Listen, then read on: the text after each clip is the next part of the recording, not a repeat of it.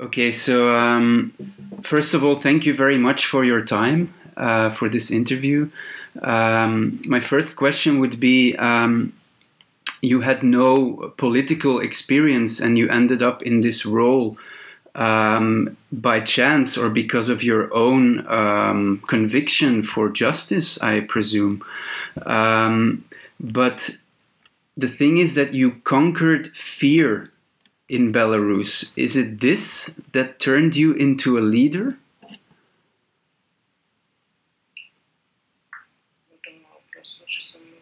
Could you please repeat because I, you know, if there is a, a internet. Yes. Um, so you had no political experience, uh, but at one point in time you conquered fear. You were no longer afraid to speak openly about politics. Um, and your husband, of course, was was also like this. Uh, he is still like that. Uh, but is it this, the fact that you were no longer afraid, that turned you into a leader? Uh, you know, I can't say that I'm I'm not afraid anymore. I'm afraid every day. Mm-hmm. When I was in Belarus during during my election campaign, I was afraid for my freedom. I was afraid for my children. I was afraid for my husband who was in jail uh, because I understood in what uh, kind of country I lived, where dictatorship prevailed, where um, there is no law towards people who are against uh, this regime. Now, uh, as you said, being a leader, I'm afraid for responsibility. I'm not afraid of this, but I feel this responsibility, and I'm afraid to maybe to make wrong decisions that can uh, be harmful for Belarusian people who can be, um, I don't know, who can influence uh, the situation in in bad way. I don't know. I just. Uh, and of course, I, I still feel this fear for every person in Belarus who stay there, who goes out for demonstrations, who protesting because uh, our law doesn't work for them as well. So I, I can't say I'm not afraid. And people uh, of Belarus are afraid as well. Even if we say we are not afraid mm. anymore, we are. But we make ourselves to step over these fears. Every day we step over our fears and do what we have to do. You know, it's what means we feel we, we feel this fear, but we overcome this feeling. You know. Of course, Lukashenko is also afraid now. Um, but your aim is not to be a president, as I understood. So, what is it exactly that Lukashenko is afraid of? I think he's afraid of the situation itself because uh, Belarusian people for 26 years have been living with this sense of fear, and Lukashenko was sure that he controls everything, that people are fear so much that they won't be able, wouldn't be able to stand against him. But now he, I think he is afraid of people. He is afraid of situation that the situation that people are not under his control anymore.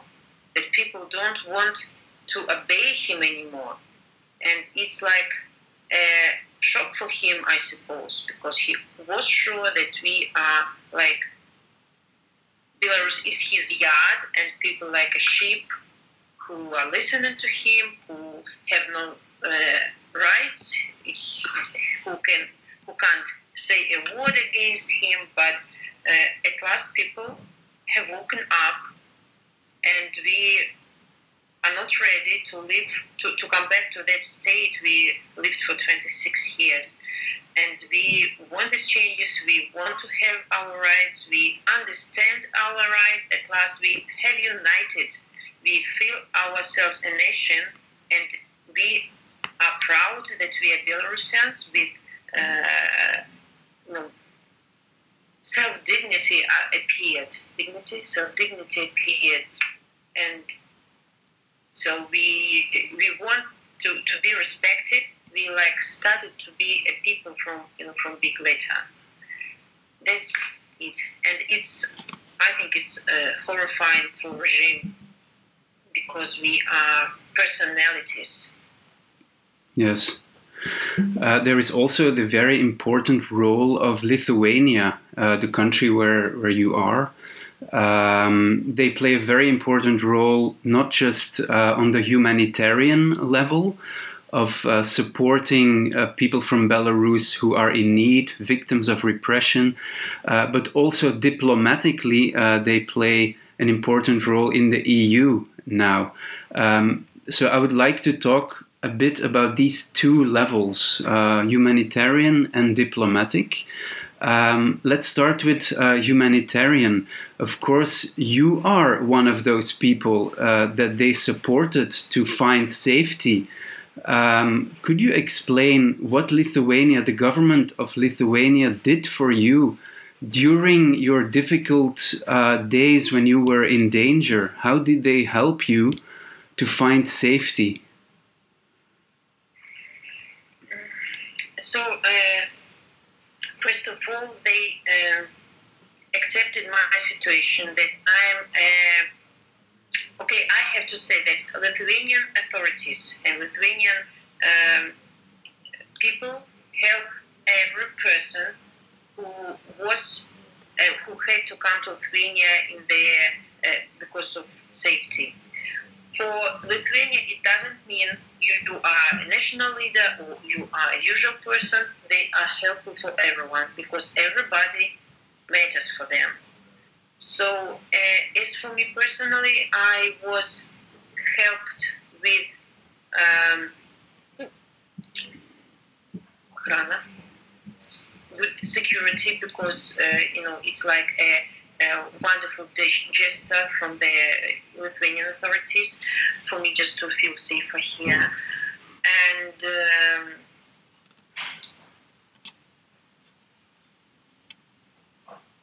so they, uh, Lithuanian uh, helped to organize educational process for my children, but I have to repeat, you know, there is no um, like the, the, the разделение, divide, division, or division between me and other people because yes. everybody, every person who comes with children, uh, the Ukrainians will organize uh, uh, educational process for them as well. That's very interesting.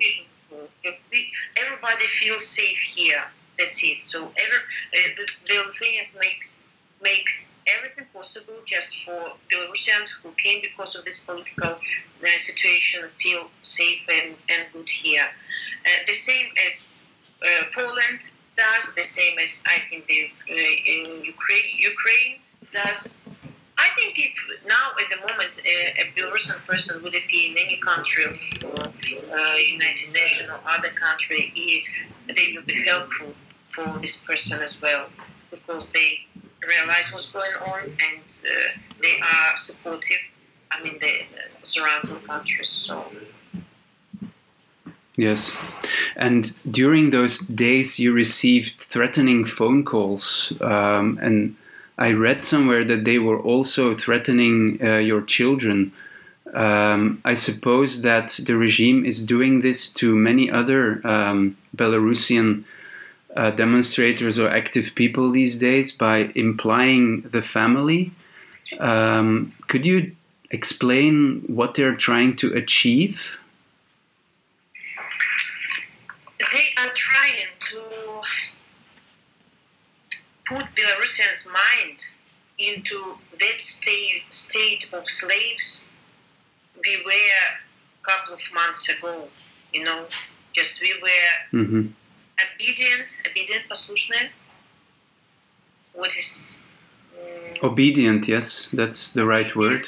Yes, we were obedient people who couldn't say a word against uh, regime uh, and they, this is the, the way of threatening. they are still sure that all these threatenings are um, helpful in some states they are because of course people are afraid. We can't say that anybody would like to be jailed or to be tortured. Of course nobody wants. But people's mind have changed. You know, and instead of one person, two will come who are not afraid. It's up to every person to go out for demonstrations or to uh, protest in any other way. We, nobody can be blamed for uh, doing something or not doing something. It's up to every person. It's every person's decision. Some some people can overcome their fears. Some can't. Some have reasons to do this or not to do this. It's up to every person. But you see that no, in spite, despite of all these threatenings, people are still going out for demonstrations, and the quantity isn't decreasing or increasing, decreasing, mm-hmm. isn't decreasing, and it's a no clear sign for authorities that we will continue to fight. We are um, principally peaceful protesters. You know, we don't want any kind of war. We don't want any kind of violence. So,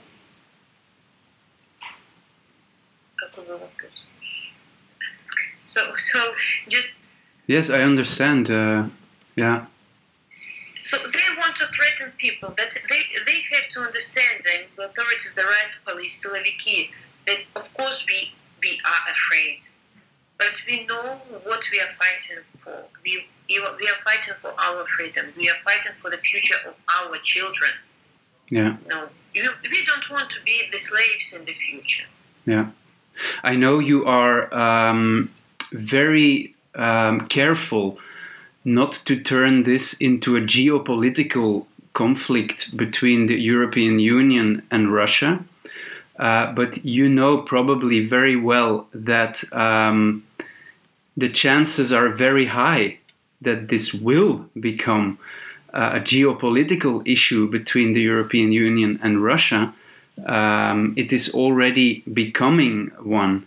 Um, the Lithuanian foreign minister has said that the European Union should promise uh, to the Belarusian people that after the regime change, there should be more financial support uh, for Belarus. Um, but promises like that could turn this into a geopolitical fight with Russia.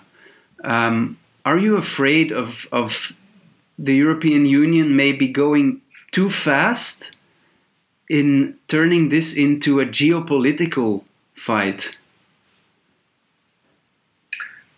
Oh, I don't think that UA uh, is just, you know, talking about this financial help. They are talking about geopolitical uh, fight. It's absolutely not correct. Mm-hmm.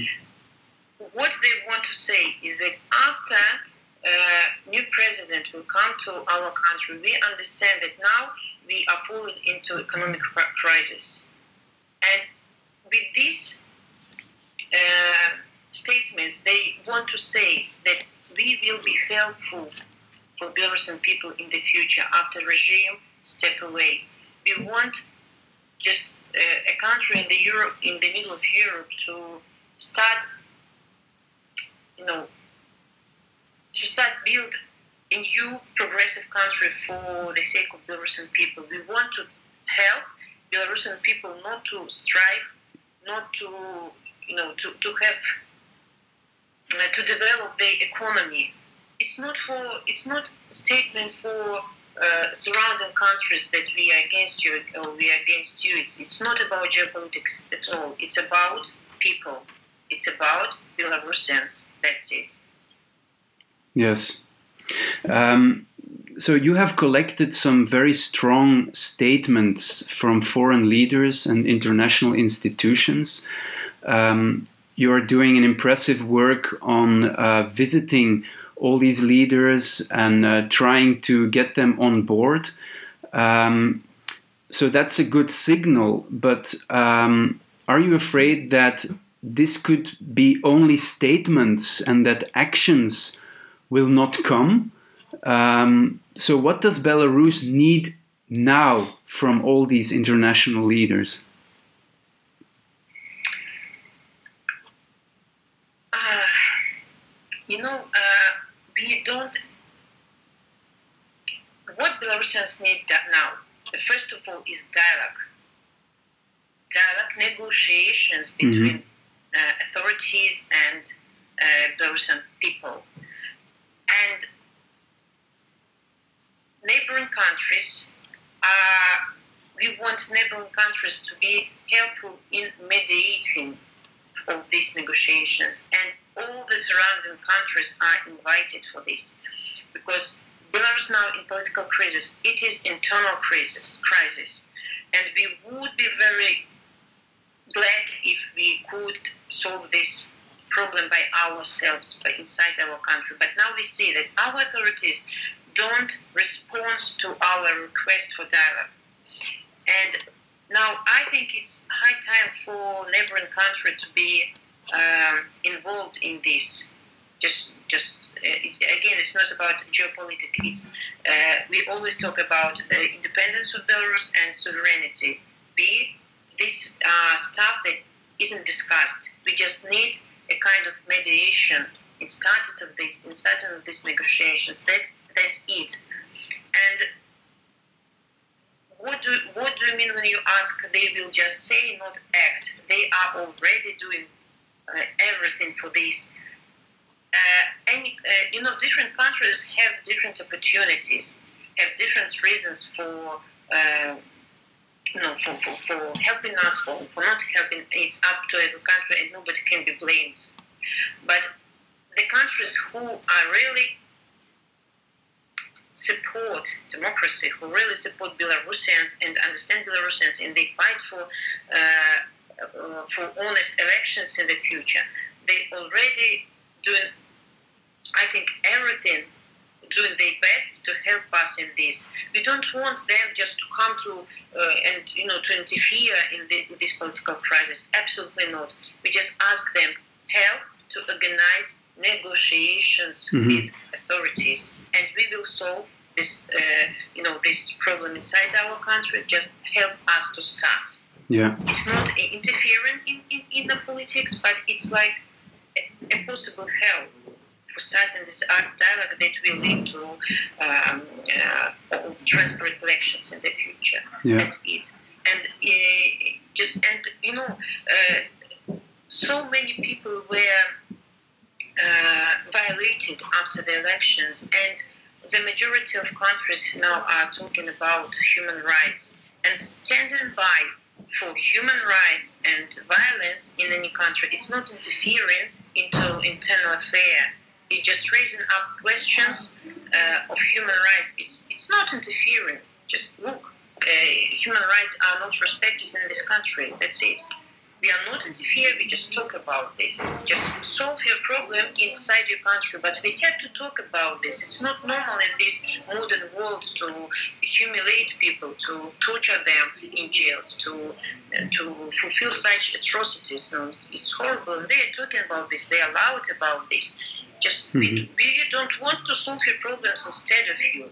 Just decide, solve them, but solve them, you know, in, in you are a modern country, you are a civil country. Supporting mediation, I think that's a very uh, important point that you make. Um, so a few days ago, um, President Macron of France was in Vilnius. Um, did you meet him in the end? Yes, we met yesterday in the morning. Yeah. So is it this message that you gave him? Um, and I I asked this question because uh, President Macron um, has been trying to start a dialogue with President Putin uh, of Russia uh, even before the Belarus crisis. So maybe Macron uh, could play this role of trying to integrate Russia into this mediation effort. Would that be a good thing? Of course, it would be a great thing because we know that Russia plays a big role in, uh, you know, within, I don't know, Belarus situation because they are our one of our neighboring country. We have wonderful relationship with Russian people. Uh, we were always friendly with them. We have trade trade relationship with Russia, and they are, you know, they are important partner, uh, you know, in, uh, in this world for Belarus. So we always uh, declared that we open for dialogue, and it would be wonderful if uh, Russia would be involved in this mediation as well, because they they are important for Belarus. So uh, we um, offered uh, OBSE platform for starting this mediation, and Russia is included in in uh, OBSE, OSCE, OSCE, and uh, it would be great if uh, they, uh, if Mr. Macron would, you know, how how it's in, in the political world to invite them, invite Russia to participate in these uh, negotiations, or just to persuade him, uh, and uh, Mr. Macron could be very helpful in the solving of this problem, and I'm sure he will be. And do you think um, Putin is also afraid of something? What is Russia afraid of that they do not take your invitation for this mediation? Uh, you know, I can't say for Russia if they're afraid of something or not afraid. I always say that it's up to every country to support, to not support, to declare, not to declare. It's uh, it's up to them. But we are really, um, we would be grateful for any country who is interested in uh, fate of Belarusian people and who would support us in our uh, in our peaceful intention, peaceful intention for uh, for organizing new elections. You know, uh, we want this mediation, and more countries are involved. Especially, it concerns the neighboring countries, or you know, the, the neighboring. It would be better for Belarusian people. And now, in our decisions, in, in all the decisions, only Belarusian people have to, you know, to, to matter for, for, for all this decision. Yeah my, my English is not very well, you know. it's perfect. um, but so the Coordination Council uh, of Belarus is still looking for dialogue, and um, we have to say that you are waiting for a long time now, and the signals are not very hopeful if we see the repression by Lukashenko. Um, what is it that still makes you go for dialogue? Uh, of course, we are still uh, looking for this dialogue. We want this dialogue, and we need this dialogue. And we see peaceful dialogue only as the only way out of this political crisis. The dialogue is um, civilized way out of this situation. And we offer to authorities, please listen to your people for the first time for 26 years, we want dialogue with you. We don't want to live with this regime anymore. Just let's talk. It's normal in 21st century to have dialogue, mm-hmm. to talk to each other. But no. after after the after the free elections, and uh, let's suppose now that there will be free elections, um, would there be um, a justice system in place that would organize trials for all the crimes that are being committed now? You know, uh, we convinced that every person who is responsible for the crimes that were committed uh, during elections and after the elections have has to be prosecuted. And this can be done only with the just full court. Could it be that Lukashenko and his regime is afraid of what will happen to them after free elections? Oh, I don't know what they are afraid of. You know, they are citizens of Belarus, and in Belarus we have constitution, we have law, and everybody is equal eh, against of this law. Uh,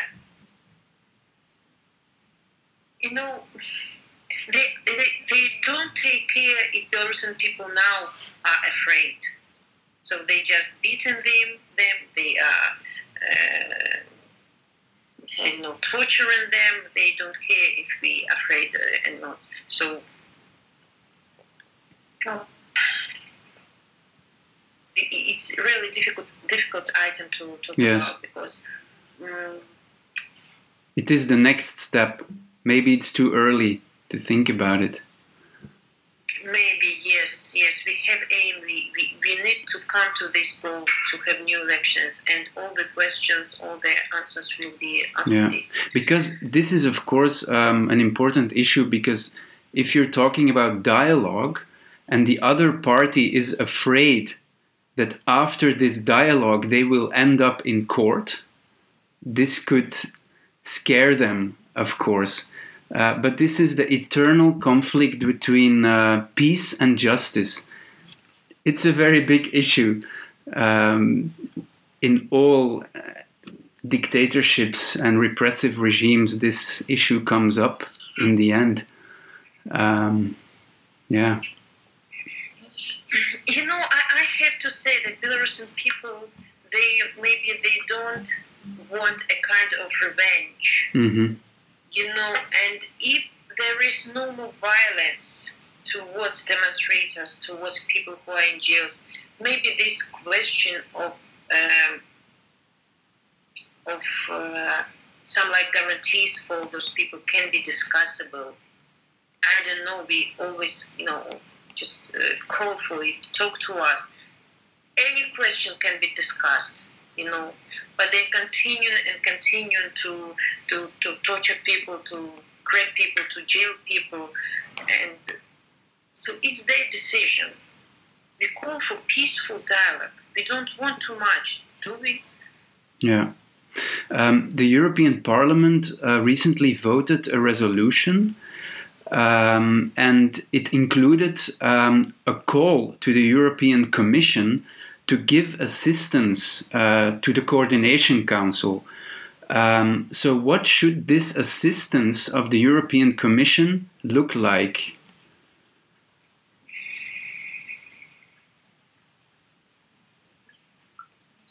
So we, uh, you know, I coordination council was created as a body for starting dialogue between authorities and uh, uh, people. And uh, our authorities, as usual, didn't find anything else like to threaten the members of this coordination council. They jailed uh, some of from the presidium. They kicked out of the country some uh, members of presidium. So they act um, in the same way as they used to act before. And uh, so, as Belarusian people accept coordination council as legal body for having this dialogue, so we ask uh, worldwide society to support coordination council to give him uh, legitimacy all over the world in, in, in, in international society. To maybe to support with uh, advices, with pieces of advice, to support the members of uh, uh, coordination council to uh, press differently on uh, uh, people who um, on people on authorities who are responsible for uh, violence against the members of uh, uh, coordination council. You know, just support in any possible way, just to show that this is the body only for uh, negotiations, and just listen to them. There are a lot of people inside, more than 5,000 people, and more than 500,000 people uh, signed for its legitimacy. So it's enough just to show that we are legitimate, we have right to talk to authorities. So, but the only who doesn't accept legitimacy, who doesn't want to talk, is our authorities. But again, we are coming back to uh, to dialogue. So we we offer many ways of starting this dialogue. We offer many ways for, the, for these negotiations, but we see only one uh, in front of us. Yeah. Just we offer and they deny, we offer and they deny, as usual. And if the Coordination Council would get support um, to organize an office in Brussels, for example, um, close to the European Union institutions, um, would you consider opening an office in Brussels? Oh, you know, though I understand that um, it's much safer to be outside of our country, there, I'm sure that coordination council, coordination council, the body for negotiation.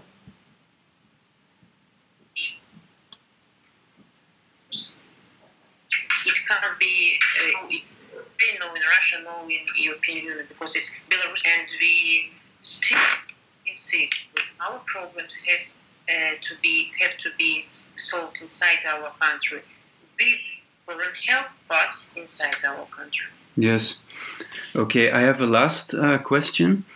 Um, so, are you afraid of an escalation that things might get worse? Because we see that uh, Lukashenko is already um, talking about NATO at the Lithuanian and Polish borders. Um, he threatened to close the borders of Belarus with Lithuania and Poland. Um, so it seems that this is already a kind of militaristic discourse that he is using. Um, are you afraid that he might be preparing a kind of armed or, or military conflict? Oh, I can't say I can't say that I'm afraid of this because uh, um, you know it's it's not normal in, in the 21st century in the middle of Europe to start uh, any war actions just and uh, uh we have seen uh, mm, uh, we have seen uh, the Ukrainian example, and nobody wants the repetition, rep- repeating of this. And it's there was no reason for this. No reason, absolutely. Just uh, there is no there is no reason to start any kind of war. Just step away. You know, it's 20 years, it's 26 years. Maybe it's enough we want to continue to develop our country. Just if you love your nation, as you already say, it's not true, but you say this. If you like your country, if you like Belarus, so let it develop further.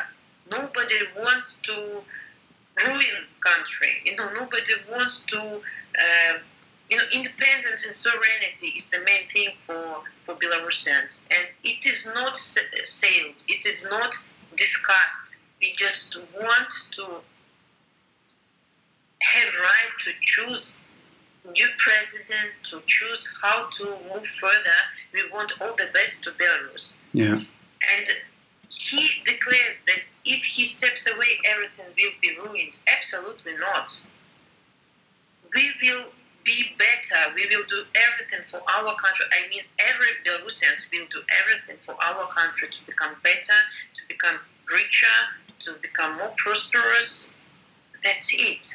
But I ask. Um, Please stay the first president. Let your country move forward, and everything will be happy. No reason for war. No reason for military uh, escalation. That's it. I asked uh, this question um, because of the issue of disinformation and fake news. Um, how do you evaluate the power of fake news in the Belarus um, protests?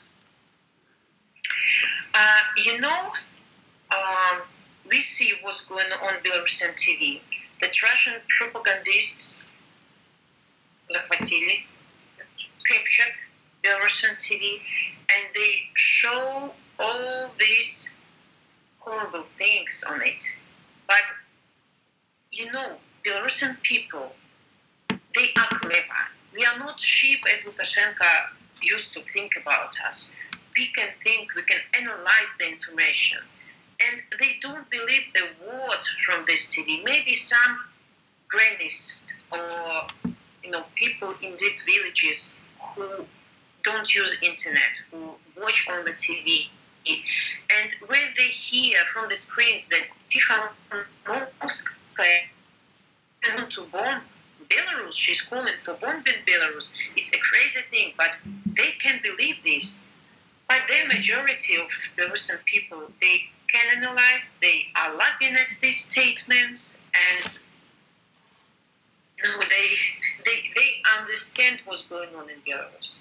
That's it. And it's like a, a way for, no, this fake news, this propaganda news, they are so dirty, they're so disgusting. And it means that the regime is so uh, weak that they have to use these dirty methods to, to, to show me in, in to show the society in, in, in black colors that it's like goes on and off and in, you know within people who understand what's going on.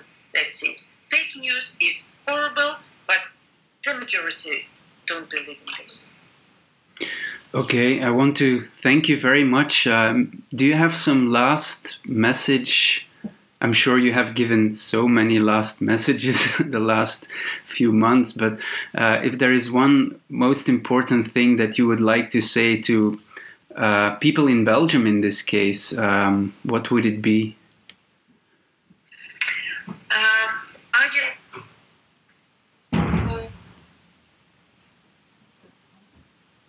all the people, Belarusian people are important in the world. Of course, maybe not everyone knows what particular going on in Belarus, why we are fighting, why we are protesting.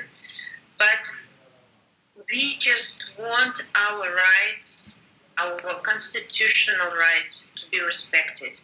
We don't want to be uh, within dictatorship. We are people we don't want any kind of violence in our country. And uh, just for you, just for you to know that we matter for this world. We Belarusian, just and so have so many wonderful words for Belarusian. Just don't want to repeat. And what I asked from you, just to be vocal about us. You know, while we are on, I understand that there are a lot of news all over the world that have to be shown in, in any uh, countries, but just talk about us because our situation is important.